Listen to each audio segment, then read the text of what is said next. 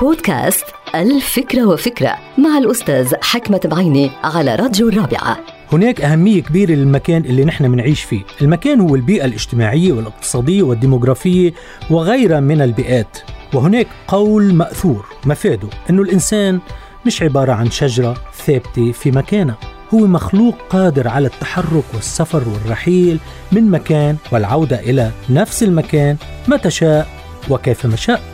فلذلك من المهم جدا إنه نحن نتحرك من وقت لآخر نسافر نشوف الحياة نتعرف على أسرار الحياة في أي مكان وفي كل مكان. الحركة المكانية لا تعني دائما الهجرة أو الغربة أو السفر الدائم أو السفر المستمر.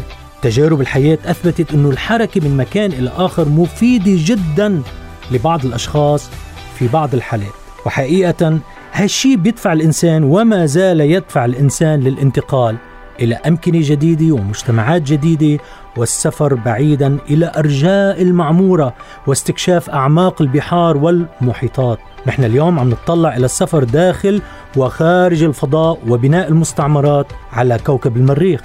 كل هالشي لأنه نحن لسنا عبارة عن أشجار متجذرة في التربة. نحن مش شجرة ساكنة. نحن كائنات متحركة وطموحة وقادرة على الخروج والعودة إلى أي مكان متى نشاء وكيفما نشاء.